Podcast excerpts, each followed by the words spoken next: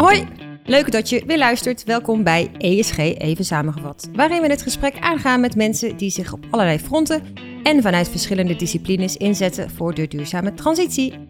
Jij bent Aldert. En jij bent Marloes. En vandaag, Aldert, gaan we het even anders doen.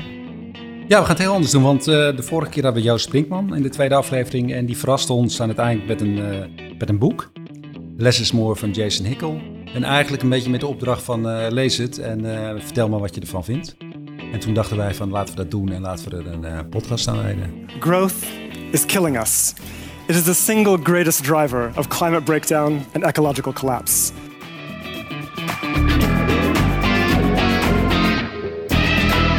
En gelukkig hadden we vakantie, althans had ik vakantie tussendoor. Dus had ik wat tijd om erin te duiken. Uh, en jij ook? Jij hebt het, uh, je hebt me uitgelezen, toch? Ik heb tussen de bedrijven door uitgelezen twee dagen geleden inderdaad. Ja, dat klopt. Ja, ja, ik, had hem, uh, ik had hem meegenomen op vakantie. Um, samen met nog twee andere boeken. En ik dacht, oh, dat is leuk, want dan kan ik een beetje afwisselen als het allemaal een beetje te zwaar en te zwaarmoedig wordt. Maar dat ging niet helemaal, want het waren drie zwaarmoedige boeken. Dus uh, ja, maar deze was, uh, begon zwaarmoedig, best wel. Um, Daar waarschuwde hij ook voor, hoor. In het, begin van, in het begin is het inderdaad een beetje doom en gloom. Maar op het eind is er hoop. Maar daar komen we allemaal naartoe. Daar komen we, ja. Misschien is het handig dat we eerst even, even kort uiteenzetten wat hij precies bedoelt met hoe degrowth de wereld kan helpen of ja. kan redden. Ja, hij zit natuurlijk niet live bij ons in de, in, in, in de studio, uh, in, in, de opname van de podcast. Maar we hebben wel een aantal fragmenten gevonden op, uh, op het internet. die een beeld geven van, uh, van wat hij vindt. Dus um, we starten nu het eerste fragment. waar hij eigenlijk een soort van mini-samenvatting geeft van, van het boek. Growth is killing us. It is the single greatest driver of climate breakdown and ecological collapse. We urgently need to shift to a post growth, post capitalist economy. Right now, we're trapped in an economic system that is structurally dependent on growth. Growth at an exponential rate, year after year, with no identifiable endpoints. Capitalism requires ever increasing levels of extraction and production and consumption just to stay afloat, chewing through our living planet in the process. And virtually all of this crisis is being driven by rich countries. The science is clear. If we want to avoid catastrophic climate breakdown and reverse ecological degradation, rich countries need to lead with radical emissions reductions, getting to zero by 2030, while dramatically scaling down resource use. Ja, dus volgens die degrowth-beweging um, is een wereldeconomie die minder grondstoffen en energie gebruikt, die ecologische grenzen respecteert en toch floreert, absoluut mogelijk. En Jason Hickel stelt um, dat wat we hebben, dat we dat eerlijk met elkaar moeten delen. Dat we die economie niet tegen, maar in balans met de natuur inrichten. En vooral onze obsessie met economische groei overboord gooien. Dat is zijn, uh, zijn stelling. Ja, dat is een beetje meteen de mini-samenvatting van het, van het boek. Uh, met, met name dat laatste, hè, over het kapitalisme, dat um, om te overleven moet dat groeien jaarlijks groeien. En uh, zijn verhaal is eigenlijk van door die groei, uh, die, die is op een gegeven moment niet meer vol te houden. Uh, en, en daardoor ga je um, ja, de grens van, van, van wat de planeet nog aan kan, die ga je overschrijden. En de gevolgen zien we nu al volgens hem. Klimaatopwarming, verlies van biodiversiteit, ontbossing, oceanen die zuurder worden, uitput van de grond. Nou ja, you name it. En, en eigenlijk zegt hij gewoon heel, heel plat, groei is killing us. Ja, ja en dat, dat, dat, waar dat vandaan komt dus hoe, hoe komt het uh, dat, we die, dat we zoveel zijn gaan groeien of het idee hebben dat we continu moeten groeien? Uh, dat is eigenlijk dat eerste doom and gloom stuk uit het boek. Uh, ja. The Rise of Capitalism. Um, en dat is best wel een, een zwartgallig hoofdstukje, waar ik me ook niet zo van realiseerde dat dat zo tot stand is gekomen. Nee, nee, precies. Want hij zegt inderdaad van veel mensen denken, joh, kapitalisme is eigenlijk een, een soort van natuurlijk systeem dat voortgekomen is uit, uit, de, uit de vorige periode met, met, met slaven en met horigen. Maar eigenlijk geeft hij aan dat het helemaal niet zo natuurlijk systeem is, maar dat het meer uh, met harde hand is afgedwongen, met, met, met landonteigeningen en, en, en, dat soort zaken. En later op grotere schaal kolonisatie. Ja, het was inderdaad wel een... Uh...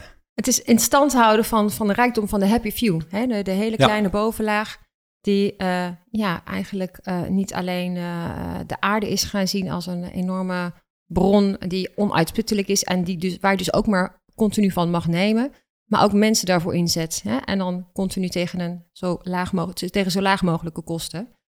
Ehm, en, en inderdaad, als je kijkt naar. ehm, zo, zo zijn wij ook. Hè, het kapitalisme is, is, wordt vaak ook gepresenteerd als. Nou ja, dat is gewoon marktwerking, marktwerking, het is gewoon handel, het Ja, is ja. trade.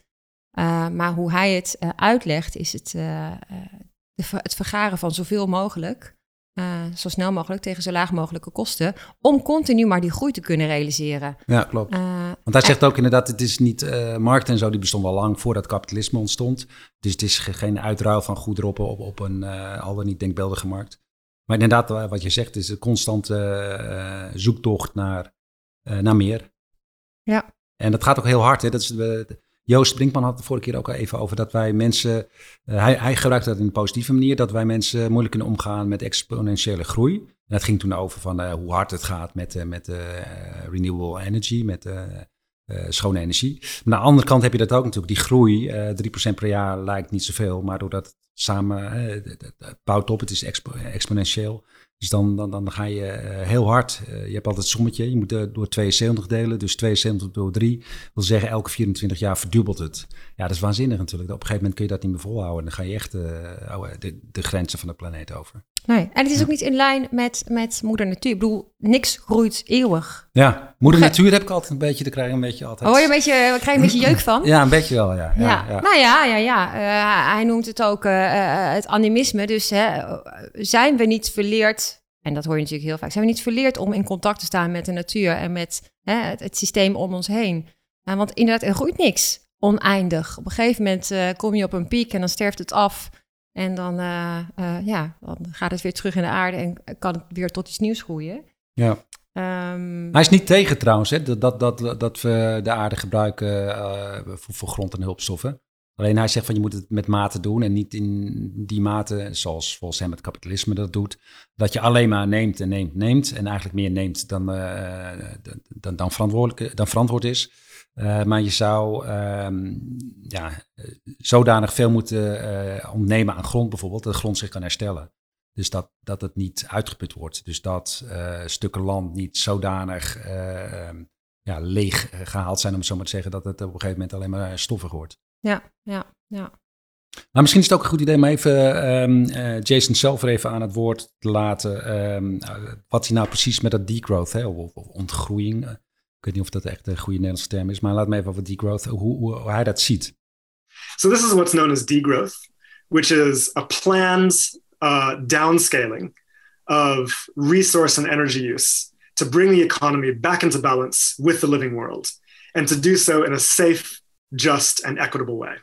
Nou, dus eigenlijk volgens mij wat, wat hij zegt van ja, uh, degrowth is eigenlijk niets meer dan een, een geplande afschaling van het gebruik van energie en hulpbronnen. We moeten gewoon minder doen.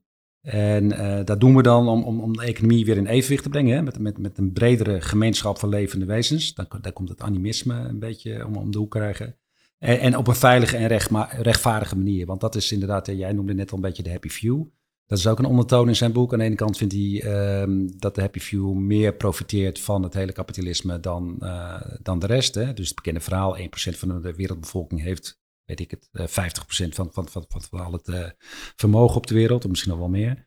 Um, en, en dat zie je natuurlijk op landniveau. Het is um, uh, ja, best wel wrang dat, dat, dat, ja, de, de, noordelijke helft, dus de rijke helft van de landen, um, dat die de meeste uitstoot hebben uh, veroorzaakt door de eeuwen heen. En dat met name de, de, de, de zuidelijke landen, nou ja, kijk wat er nu gebeurt in Pakistan bijvoorbeeld, dat die daar de, de, de, als eerste de, de, de wrange vruchten, daarvan van plukken. Ja, de, eigenlijk de, de South is eigenlijk, uh, om het dan maar even bot te zeggen, they're double screwed.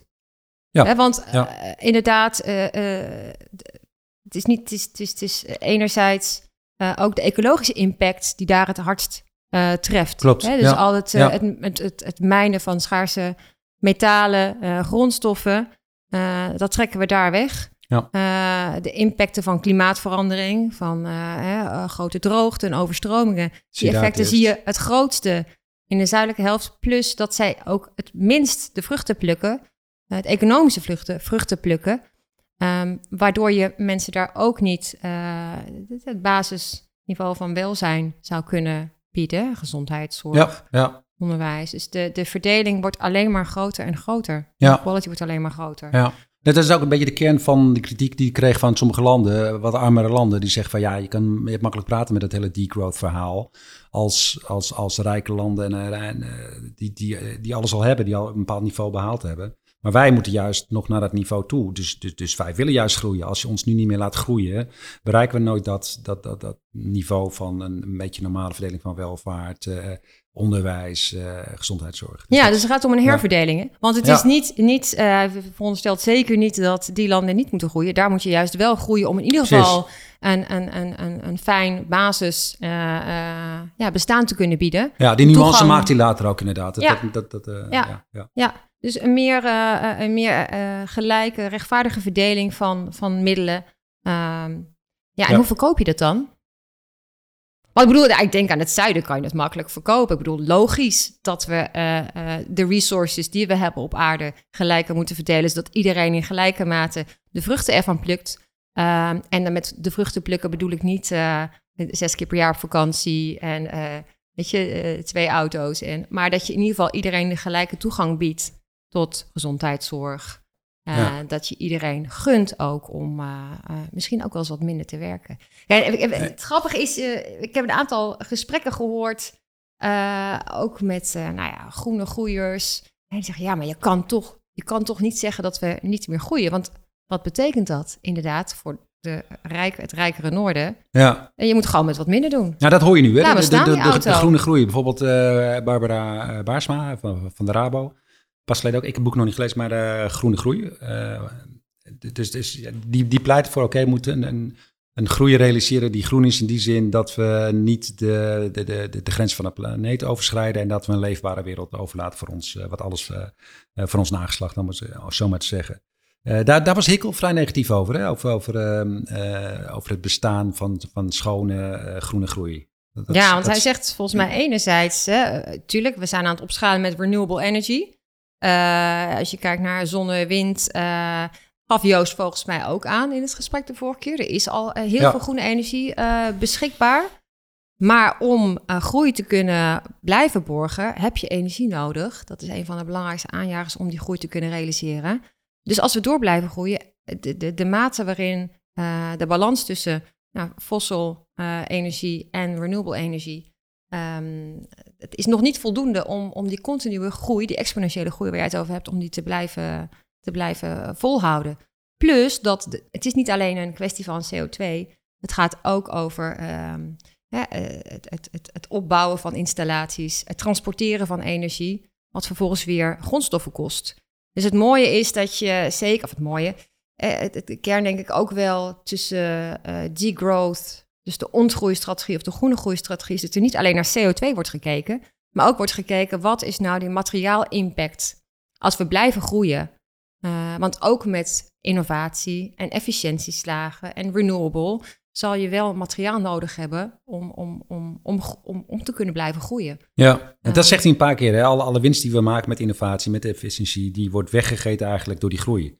En, en ook met schone energie zegt hij dat. Oké, okay, gaat hartstikke goed met renewables. Joost was er heel enthousiast over. Ja. Gisteravond een berichtje op LinkedIn trouwens dat zijn reine energie uh, vergunning heeft aangevraagd. Dus dat gaat allemaal gebeuren. Dat is dan even voor de regio Utrecht. Um, maar, maar, maar, zijn punt is van je, ook, ook die hele nieuwe capaciteit aan renewables wordt opgegeten door het feit dat we blijven groeien. Ja. ja. En, en, en um, nog even wat je ook regelmatig hoort nu van uh, leuk allemaal die elektrische auto's, maar wat gaan we allemaal doen met die batterijen? Lithium, op een gegeven moment de grondstof die je nodig hebt voor batterijen en, en ook veel meer andere metalen. Op een gegeven moment is dat ook op, is het ook uh, uh, leeggeroofd, om het zo maar te zeggen. En, en dan? Ja, dus toch, toch wat meer carsharing. Dus toch laat die auto maar staan en wat ja. meer terug naar de deeleconomie. Ja, dan komen we op het laatste. Ja, nee, het is goed. Dan komen we op het laatste. Of, of in hoeverre dat allemaal mogelijk is. Maar nog heel even, oké, okay, dus uh, op een gegeven moment ook andere, andere alternatieve wijzen van, van, van, van energiegeneratie ging je even af. Dus bijvoorbeeld kernenergie. Je kan nou vragen of dat schoon is of niet. Maar goed, in de, in de laatste taxonomie is het, uh, is het bij schone energie gezet. Maar dan zegt hij van, joh, A, duurt het veel te lang voordat het uiteindelijk gaat leveren. En bovendien, dat is maar een heel uh, beperkt percentage van, van, van de energieaanvraag. Vorige aflevering hebben we het ook over gehad, over, over die geweldige ideeën, bijna fantasie, over dat geo-engineering, dat, dat, dat, over ruimteschilden um, ophangen om, oh, ja? om, de zon ja. terug te kaatsen en dat soort dingen. Maar goed, dat, dat, dat zijn allemaal onbewezen theorieën natuurlijk. Dus dat is. Uh, ja, en wat, is, wat is het risico als het, als het mislukt? Ja, Hè? Dus als, als je inderdaad zo'n ruimteschild ophangt om, uh, om, om, om die straling uh, weg te houden. En er, er, er, komen scheuren in. Daar, daar hebben wij helemaal geen overzicht. Er zijn de modellen niet op berekend wat, er, dat, wat dat voor een enorme ecologische impact heeft. En het belangrijkste is wat hij ook schetst: het hangt allemaal met elkaar samen. Het is niet alleen CO2, het is CO2, het is materiaal, het is mensenwelzijn, gelijkheid, maar ook biodiversiteit. Um, wat je niet zomaar 1, 2, 3 oplost um, met, uh, met, met groene groei. Nee, precies, precies. Hey, en dat, dat, dat BEX, daar had hij ook een aantal keer aan. Dus bioenergy with carbon capture and storage. Uh, wordt ook in de, in de Green Deal of in, de, in, in, in plannen aangehaald ja, als, IPCC-rapport een, als, een, als een mogelijkheid, of eigenlijk wel als een, uh, ja, soort nou, labmiddel. Het wordt beter gepresenteerd dan ja. dat. Uh, maar daar is hij ook niet zo enthousiast over. Nee, dat was ook een eye-opener voor, voor, voor mij. Want als ik het goed begreep is het, je gaat bomen planten. Die vangen dan tijdens hun, hun bestaande CO2 af. Daarna hak je ze om, zet nieuwe bomen daarvoor in de plaats. Die bomen, omgehakte bomen, die verbrand je dan in, in verbrandingsovens. Daarmee wordt dus energie opgewekt. En uh, gelijktijdig vang je die uh, CO2 die daarbij vrijkomt, die, die, die, die vang je af op een of andere manier en die sla je op. Ja, ja dat opstaan onder de grond, daar had Joost het ook over. Ik, ik vind het ook nog wel eens interessant ja. om een keer in te duiken.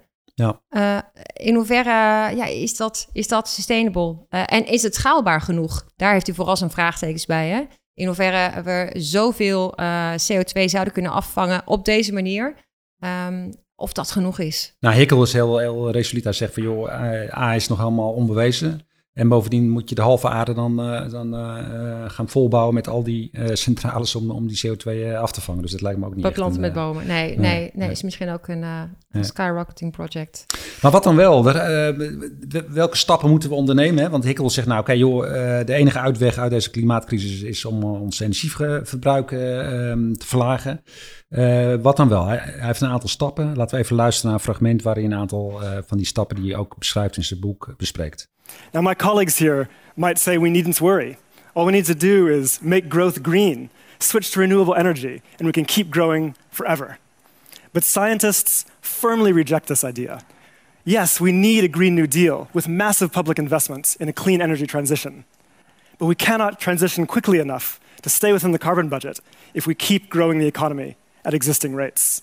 More growth means more energy demands, and more energy demands makes it impossible to decarbonize in the short time we have left.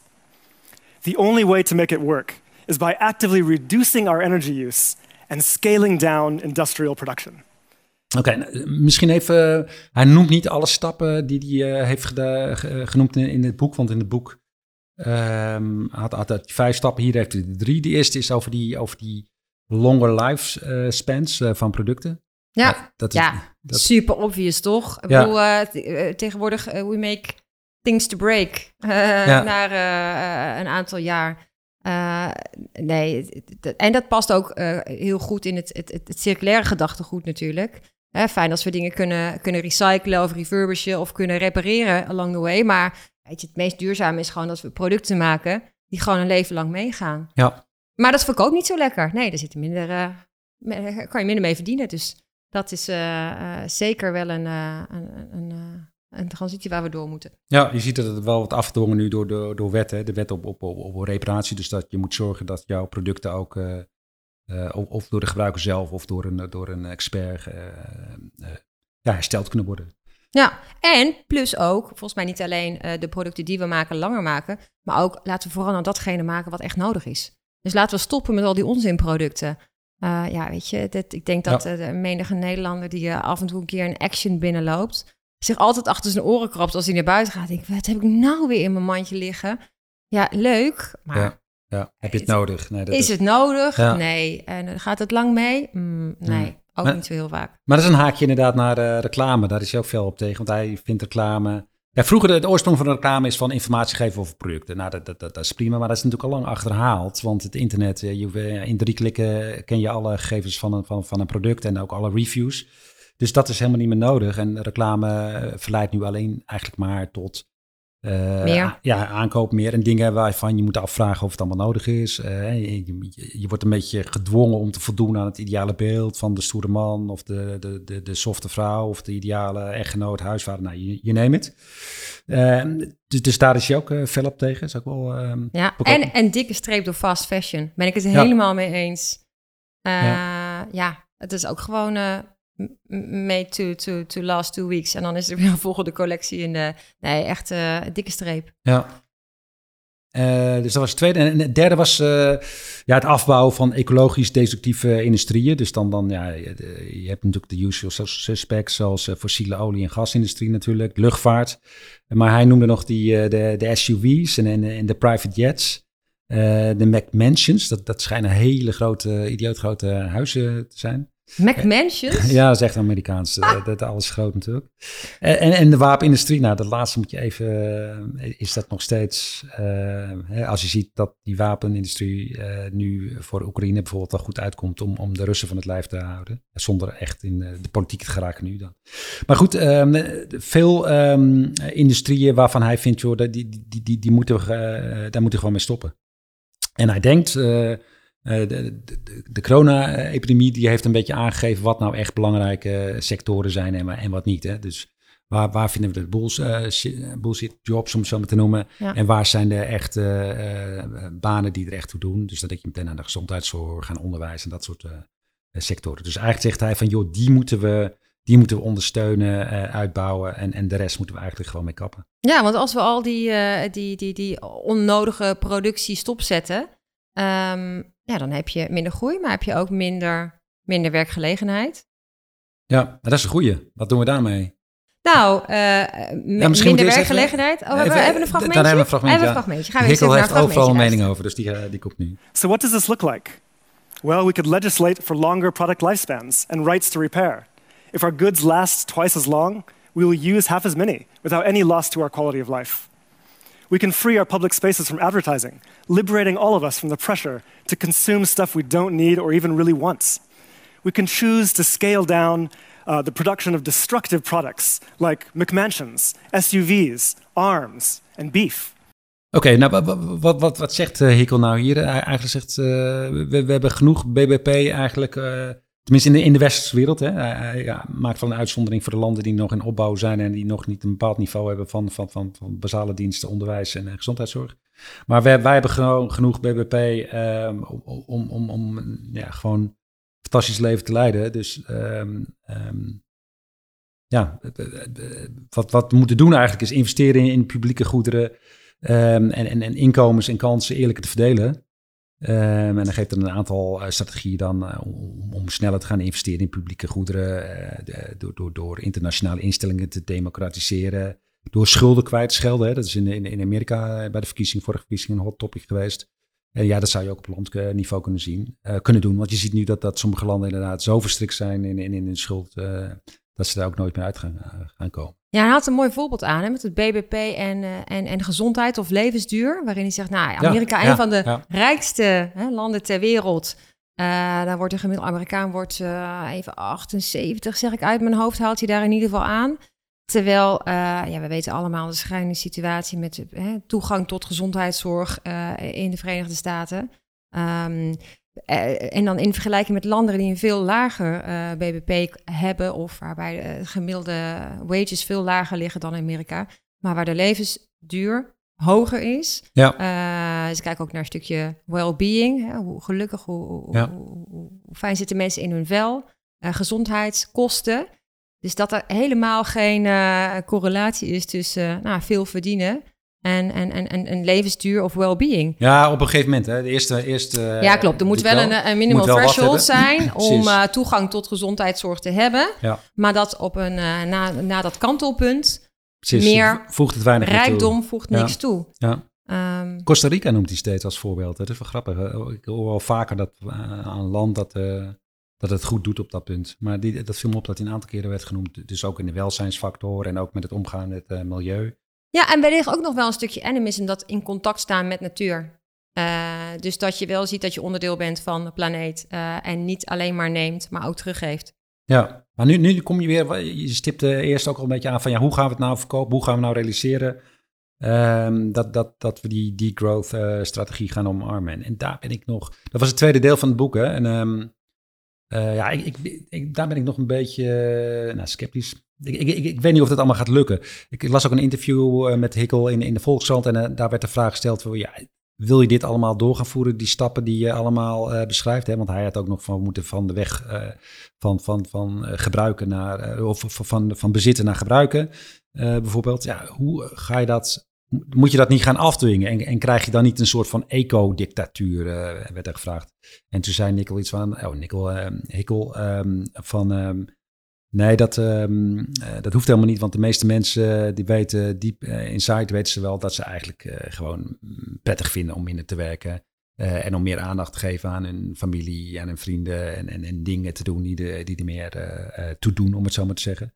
En, en daar heb ik, heb ik toch wat twijfels over. Maar jij niet, zie ik. Nou ja, nee. Uh, ik denk dat dat zeker uh, geen, uh, geen makkelijke puzzel is. De vraag is ook, wie ga je overtuigen? Hè? Dus overtuig je degene die het te goed hebben misschien wel om te gaan minderen? het gaat over een herverdeling van, van middelen. Um, ja, en, en als je kijkt, moet je beleidsmakers nu gaan, gaan aanspreken. Of hè, zijn beleidsmakers degene die de meeste voordeel vinden of de meeste voordeel plukken van van het kapitalistisch systeem. Dus hij pleit voor een postkapitalistisch systeem. Um, ja, en hoe, ja, inderdaad, hoe ga je het uitleggen? Ga, ga je zeggen, nou weet je, laat die, uh, die vierde vakantie maar zitten. Zet die uh, tweede auto, uh, zet maar, weet je, verkoop die maar. het moet allemaal wat minder.